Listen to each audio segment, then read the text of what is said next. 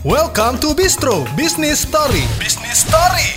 Yuk, yuk kita dengerin cerita inspiratif di balik bisnis. Kali ini kita dengerin cerita dari Iren Umar, founder Loka Padang. Mulainya kalau nggak salah sih tahun 2018 waktu itu. Pas waktu Oke. itu gue baru jadi vegetarian man. Jadi lu bayang dong orang yang suka makan, terus tiba-tiba I'm gonna be a vegetarian. Teman-teman gue udah semuanya udah langsung betting. Ini anak pasti akan give up. Eh paling ngasih satu bulan atau dua bulan. Jadi semua mereka pada betting tuh against you kan.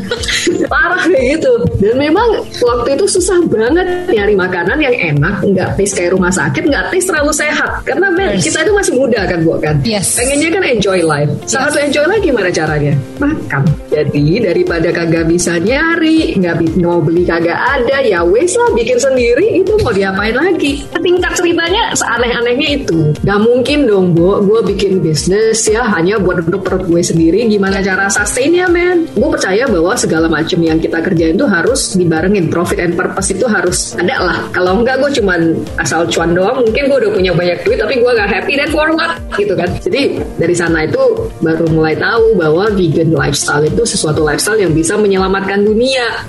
Itu dia salah satu cerita inspiratif di balik bisnis. Nantiin cerita bisnis lainnya hanya di Bistro. Business Story only on Motion 975.